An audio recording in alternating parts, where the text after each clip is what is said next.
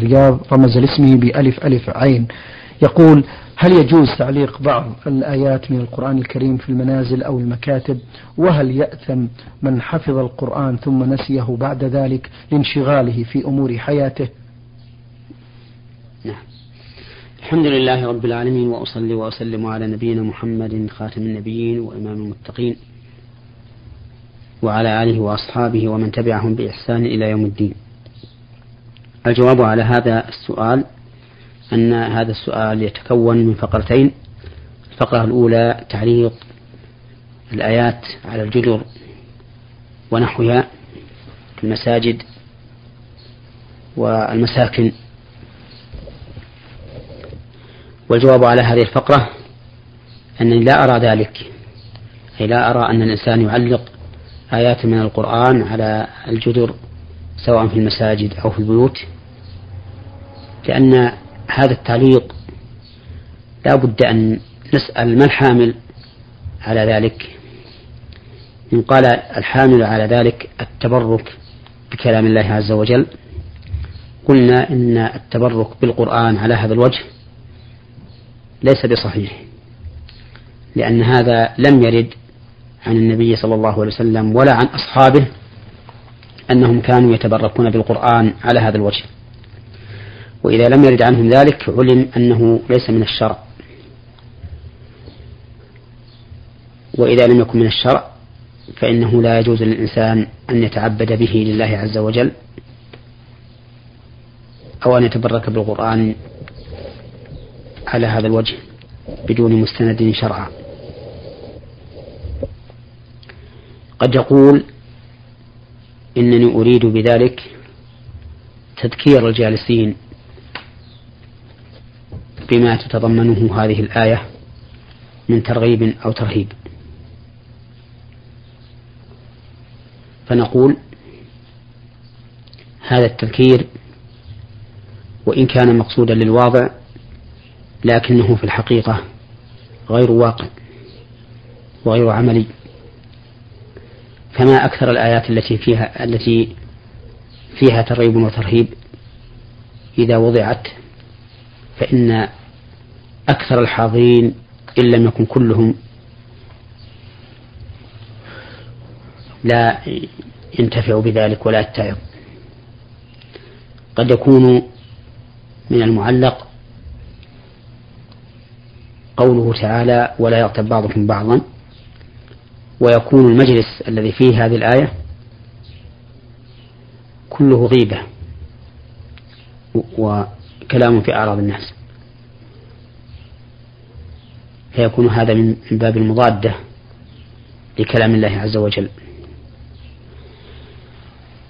قد يقول إني علقتها حماية لبيتي فأنا أعلق آية الكرسي لتحفظ البيت من الشياطين.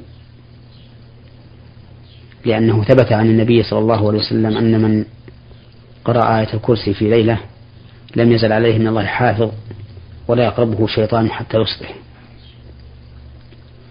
فنقول هذا أيضا من البدع. فإن السلف لم يكونوا يحفظون بيوتهم بتعليق الآيات عليها. والنبي عليه الصلاة والسلام يقول من قرأ آية الكرسي في ليلة والقراءة غير التعليق كما هو ظاهر. وبناء على هذا هذه العلة التي يتعلل بها من يعلق الآية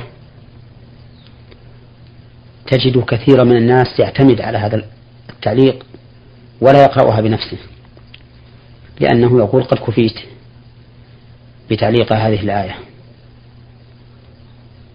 فيفوت الإنسان خير كثير بناء على هذا العمل المبني على هذا الاعتقاد الذي لا أصل له.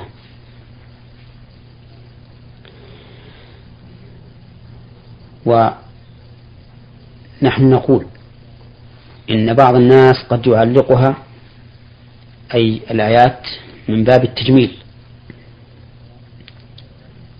ولهذا تجدهم أحيانا يعلقون آيات كتبت على غير رسم العثماني بل هي مخالفة له. وربما يكتبونها على الشكل. الذي يوحي به معناها. وربما يكتبونها آه، على صورة بيت أو قصر أو أعمدة وما أشبه ذلك. مما يدل على أنهم جعلوا كلام الله عز وجل مجرد نقوش وزخرفة وهذا رأيته كثيرا. فالذي أرى أنه لا ينبغي للإنسان أن يعلق شيئا من كلام الله عز وجل على الجدر فإن كلام الله أعلى وأسمى وأجل من أن يجعل وشيا تحلى به الجدران. ولا يمكن أن يقاس هذا على شخص علق المصحف بوتد أو شبهه في الجدار. إن هذا قياس مع الفارق العظيم. فالمصحف مغلف بجيبه أو بظرفه ولم تبدو حروفه ولا أسطره ولا أحد. يقول إني علقت المصحف هنا لأتبرك به أو لأتعظ به. وإنما يقول علقته هنا لرفعه عن الأرض وحفظه عن الصبيان ونحو ذلك. وفرق بين البارز الظاهر المعلق أو المشمع على الجدار وبين مصحف مغلق مغلف جعل في فرجة أو جعل في أو علق بوتر أو شبه. ولا ينطلي هذا القياس على أحد تأمل المسألة وتدبرها. نعم. بارك الله فيكم شيخ محمد. المستمع آه، من جمهورية مصر العربية يقول اعتاد بعض الناس عندنا في مصر الحلف بالنبي في معاملاتهم وأصبح الأمر عاديا فعندما نصحت أحد هؤلاء الذين يحلفون بالنبي أجابني بأن هذا تعظيم للرسول وهذا ليس فيه شيء. الحكم الشرعي في نظركم شيخ محمد؟ نعم. الحلف بالنبي صلى الله عليه وسلم أو بغيره من المخلوقين أو بصفة النبي صلى الله عليه وسلم أو بغيره من المخلوقين محرم بل هو نوع من الشرك. فإذا أقسم النبي فإذا أقسم أحد بالنبي صلى الله عليه وسلم فقال والنبي أو الرسول أو أقسم بالكعبة أو أقسم بجبريل أو بإسرافيل أو أقسم بغير هؤلاء فقد عصى الله ورسوله ووقع في الشرك. قال النبي صلى الله عليه وسلم من كان حالفا فليحلف بالله أو ليصمت. وقال من كفر من حلف بغير الله فقد كفر. أو أشرك. وقول الحالف بالنبي صلى الله عليه وسلم إن هذا من تعظيم النبي صلى الله عليه وسلم جوابه أن نقول هذا النوع من التعظيم نهى عنه النبي عليه الصلاة والسلام. وبين أنه نوع من الشرك. فتعظيم النبي صلى الله عليه وسلم بالابتعاد عنه. لأن تعظيم النبي صلى الله عليه وسلم لا يكون في مخالفة النبي صلى الله عليه وسلم. بل تعظيم النبي صلى الله عليه وسلم بامتثال أمره واجتناب نهيه. كما أن امتثال أمره واجتناب نهيه يدل على محبته صلى الله عليه وسلم. ولهذا قال الله تعالى في قوم ادعوا محبة الله قل إن كنتم تحبون الله فاتبعوني يحببكم الله ويغفر لكم ذنوبكم. فإذا أردت أن تعظم النبي صلى الله عليه وسلم التعظيم الذي يستحقه عليه الصلاة والسلام فامتثل أمره واجتنب نهيه. في كل ما تقول وتفعل وبذلك تكون معظما لرسول الله صلى الله عليه وسلم. فنصيحتي لإخواني الذين يكثرون من الحلف بغير الله بل الذين يحلفون بغير الله نصيحتي لهم أن يتقوا الله عز وجل وأن لا يحلفوا بأحد سوى الله سبحانه وتعالى. امتثالا لأمر النبي صلى الله عليه وسلم في قوله من كان حالفا فليحلف الله. واتقاء للوقوع في الشرك الذي دل عليه قول النبي صلى الله عليه وسلم من حلف بغير الله فقد كفر أو أشرك. نعم. آه مستمع للبرنامج أرسل برسالة طويلة ضمنها مجموعة من الأسئلة علنا نستعرض بعضا منها في هذه الحلقة. يقول فضيلة الشيخ ما الأصل في رفع أصبع اليد اليمنى أثناء قراءة التشهد في الصلاة؟ وهل هي من أركان الصلاة أم أنها سنة عن الرسول صلى الله عليه وسلم؟ وما المقصود منها وكيفيتها الصحيحة؟ أفيدونا أفادكم الله. وضع اليدين في حال الجلوس للتشهد أو بين السجدتين أن تكون اليد اليسرى مبسوطة على الفخذ اليسرى وأن تكون اليد اليمنى على الفخذ اليمنى يضم منها الخنصر والبنصر والإبهام والوسطى وتبقى السبابة مفتوحة وكلما دعا حركها ورفعها إلى أعلى إشارة إلى علو الله سبحانه وتعالى الذي وجه الدعاء إليه. فمثلا إذا قال السلام عليك أيها النبي يرفع الأصل. إذا قال اللهم صل على محمد يرفعه. إذا قال اللهم بارك على محمد يرفعه. إذا قال أعوذ بالله من عذاب جهنم يرفعه في كل جملة من الجمل الأربع. أعوذ بالله من عذاب جهنم ومن عذاب القبر ومن فتنة المحيا والممات ومن فتنة المسيح الدجال. وله أيضا أن يقبض من اليمنى الخنصر والبنصر ويحلق الإبهام مع الوسطى ولم يرد عن النبي صلى الله عليه وسلم فيما أعلم أنه بسط اليد اليمنى على الفخذ اليسرى بين السجدتين بل النصوص عامة في أنه يقبض الأصابع الثلاثة الخنصر والبنصر. والوسطى ويضم إليها الإبهام أو يحلق الإبهام مع الوسطى عامة. وبعضها قيد بالتشهد. والمعروف عند جمهور العلماء أن ذكر بعض أفراد العام بالحكم الشامل له ولغيره لا يعد لا يعد تخصيصا. فإذا قلت إذا قلت مثلا أكرم طلبة العلم. ثم قلت أكرم فلانا وهو من الطلبة فإن ذلك لا يقتضي تخصيص الإكرام بفلان. والتخصيص إنما يكون إذا أفرد بعض أفراد العام بحكم يخالف حكم العام فهذا هو الذي يكون فيه التخصيص. وعلى هذا فنقول إن وضع اليد اليمنى في التشهد الأول والثاني والجلوس بين بين السجدتين واحد لا يختلف.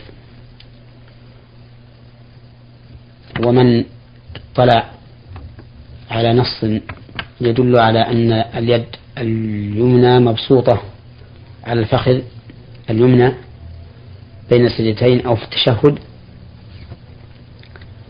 فليبلغنا به ونحن له شاكرون.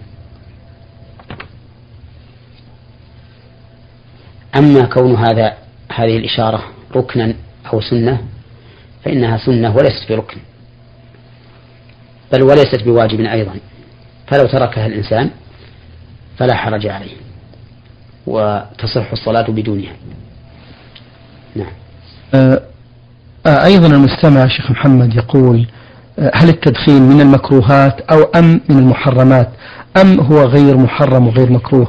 علما بأنني لا أدخن ولله الحمد إنما توجيها للمدخنين وحرصا على أموال المسلمين وأنفسهم. التدخين وهو شرب الدخان. اختلف العلماء فيه أول ما ظهر لأن الأصل في المطعومات والمشروبات والملبوسات الأصل فيها الحل إلا ما قام الدليل على تحريمه. فاختلف العلماء فيه ولكن بعد أن ظهر ظهورا بينا لا خفاء فيه أنه من المشروبات الضارة تبين أنه محرم. لعدة أوجه. أولا أنه مضر بالبدن. وقد قال الله تعالى ولا تقتلوا أنفسكم إن الله كان بكم رحيما. وقال تعالى ولا تلقوا بأيديكم إلى التهلكة. وقال تعالى وكلوا واشربوا ولا تسرفوا إنه لا يحب المسرفين. وقال النبي صلى الله عليه وسلم لا ضرر ولا ضرار. الوجه الثاني أن فيه إتلافا للمال بلا فائدة بل بما فيه مضرة وإتلاف المال على هذا الوجه سفه مخالف للرشد. قال الله تبارك وتعالى ولا تؤتوا السفهاء أموالكم التي جعل الله لكم قياما. فنهى الله تعالى أن نؤتي السفهاء أموالنا لأنهم يضيعوها ويصرفوها في غير فائدة وبين الحكمة من ذلك أو أشار إلى الحكمة من ذلك وهو أن هذه الأموال جعلها الله تعالى قياما للناس تقوم بها مصالح دينهم ودنياهم. وقال تعالى وابتلوا اليتامى حتى إذا بلغوا النكاح فإن آنستم منهم رشدا فادفعوا إليهم أموالهم. فاشترط الله تعالى لجواز تمكين اليتيم من ماله أن نعلم فيه الرشد وهو حسن التصرف بأن لا يبذل ماله في حرام ولا في غير فائدة. وثبت عن النبي صلى الله عليه وسلم أنه نهى عن إضاعة المال. الوجه الثالث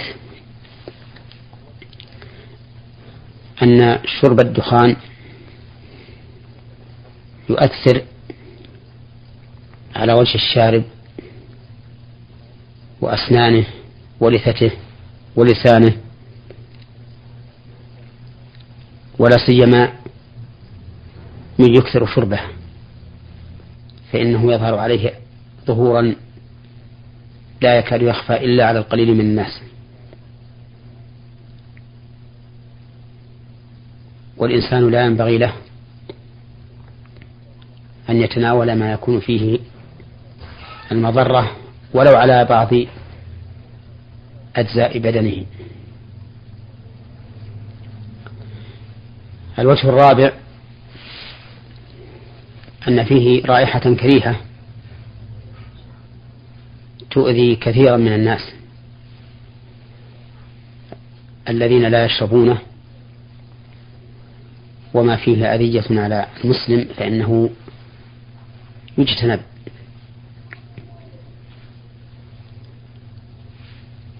الوجه الخامس أن شاربه إذا أبطأ عنه يضيق صدره وتتأثر نفسه. بل تضيق عليه الدنيا والشيء الذي يؤدي إلى هذا ينهى عنه. فإن الإنسان ينبغي له أن يكون منشرح الصدر منبسط النفس. ولهذا يسن للإنسان أن يدخل السرور على إخوانه ما استطاع.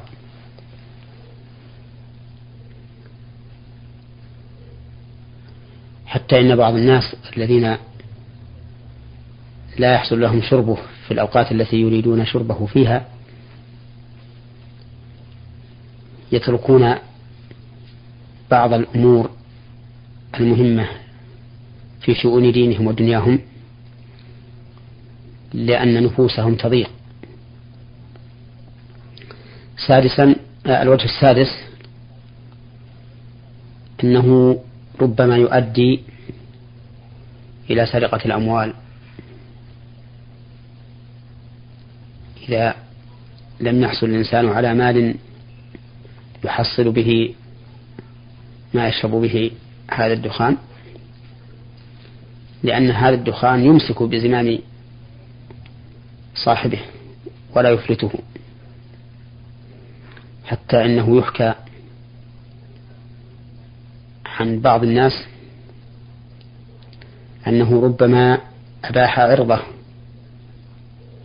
وشرفه من أجل الحصول على شرب هذا الدخان.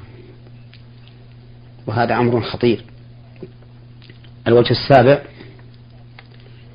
أنه لا يخفى على أحد استثقال شارب الدخان للصيام الذي هو من أجل العبادات. بل صيام رمضان ركن من أركان الإسلام. وتجد الشاربين تضيق صدورهم بهذه الفريضة فيستثقلونها. وإذا جاء وقت الإفطار فإن أهم ما يجده في نفسه أن يتناول هذا الشراب. وبهذه الوجوه وبغيرها مما لا يحضرني الآن يتبين أن شرب الدخان محرم وأنه لا يجوز للعاقل فضلا عن المؤمن أن يتناوله. ولكن قل لي ما السبيل إلى الخلاص منه؟ لأن هذا هو المهم. فإن كثيرا من الناس يعلمون مضرته ويودون بكل قلوبهم أن ينزعوا عنه. ولكن يطلبون السبيل إلى التخلص منه. فالجواب على ذلك أولا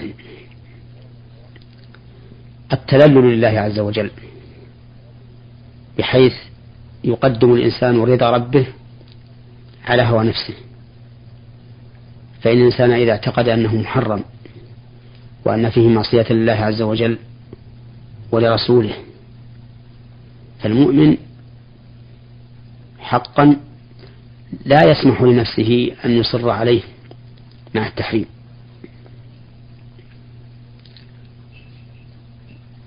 ثانيا أن يعرف ما يترتب عليه من المضار المالية والجسمية والاجتماعية والدينية فإذا علم ذلك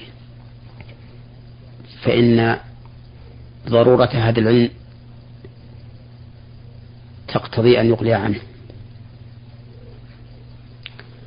ثالثا أن يبعد أن يبعد عن مجالسة الذين أبتلوا بشربه بقدر ما استطاع حتى لا تغلبه نفسه على تقليدهم. وموافقتهم. رابعا أن يدرب نفسه على التخلي منه شيئا فشيئا فإنه بهذا التدريب وهذا التمرين يسهل عليه تركه. خامسا أن يتناول ما يمكنه أن يخفف عنه وطأة التخلي عن هذا التدخين. وذلك بمراجعة أهل الطب حتى ينزع عن هذا التدخين. وهذا كله بعد العزيمة الصادقة والرغبة الأكيدة في تركه. وقد علمت من مما وقع من بعض الناس أنه بالعزيمة الصادقة يسهل عليه جدا أن يتخلى عن شربه. نعم. بارك الله فيكم. أيضا الشيخ محمد المستمع هنا للبرنامج يقول فضيلة الشيخ ماذا عن زرع الورود من أجل رائحتها ومنظرها في البيت ولجمالها؟ ليس في هذا بأس. ليس على الإنسان بأس أن يزرع في البيت من الأشجار والروائح الطيبة ما ينشرح له الصدر وتنبسط إليه النفس. فإن هذا من نعم الله على العباد. نعم. من ليبيا المستمع محمد حمود عبد القادر يقول هل الغفلة تبطل الوضوء؟ وهل يجب في هذه الحالة أن يتوضأ المسلم وضوءا كاملا؟ لا أدري ماذا يريد بالغفلة. هل يريد بها النوم؟ فإن كان يريد النوم فإن النوم ناقض للوضوء بشرط أن يكون عميقا. وعلامة العميق أن يكون النائم لا يحس بنفسه لو أحدث. فإذا نام الإنسان هذه النومة أي أنه نام نومة لو أحدث لم يحس بنفسه فإن عليه أن يتوضأ. لحديث, لحديث صفوان بن عسال قال أمرنا رسول الله صلى الله عليه وسلم إذا كنا سفرا ألا نزع خفافنا إلا من جنابة ولكن من غائط وبول ونوم. وفي الحديث العين وكاء السهم فإذا نامت العينان استطلق الوكاء. فإن كان السائل يريد بالغفلة النوم فهذا فهذا جوابه. لكن إذا كان النوم خفيفا يحس بنفسه الإنسان لو لو أحدث فإنه لا ينقض الوضوء سواء كان الإنسان جالسا أو مضطجعا أو مستندا أو غير مستند لأن المدار كله على العقل عقل الشيء. وفهمه. أما إذا كان يريد بالغفلة الغفلة عن ذكر الله فإن هذا لا ينقض الوضوء. ولكن الذي ينبغي الإنسان أن يديم ذكر الله سبحانه وتعالى كل وقت فإن هذا هو العقل. قال الله تعالى إن في خلق السماوات والأرض واختلاف الليل والنهار لآيات لأولي الألباب الذين يذكرون الله قياما وقعودا. وعلى جنوبهم ويتفكرون في خلق السماوات والأرض. ربنا ما خلقت هذا باطلا سبحانك فقنا عذاب النار. بارك الله فيكم شيخ محمد وعظم الله مثوبتكم. إخوتنا المستمعين الكرام كان لقاؤنا مع فضيلة الشيخ محمد بن صالح بن عثيمين الأستاذ بكلية الشريعة بالقصيم وخطيب وإمام الجامعة الكبير في مدينة عنيزة. شكرا لكم على حسن المتابعة. لنا لقاء بإذن الله تعالى. سلام الله عليكم ورحمته وبركاته. نور على الدرب. برنامج يومي يجيب فيه أصحاب الفضيلة العلماء على أسئلة المستمعين. البرنامج من تقديم وتنفيذ عبد الكريم صالح المقرن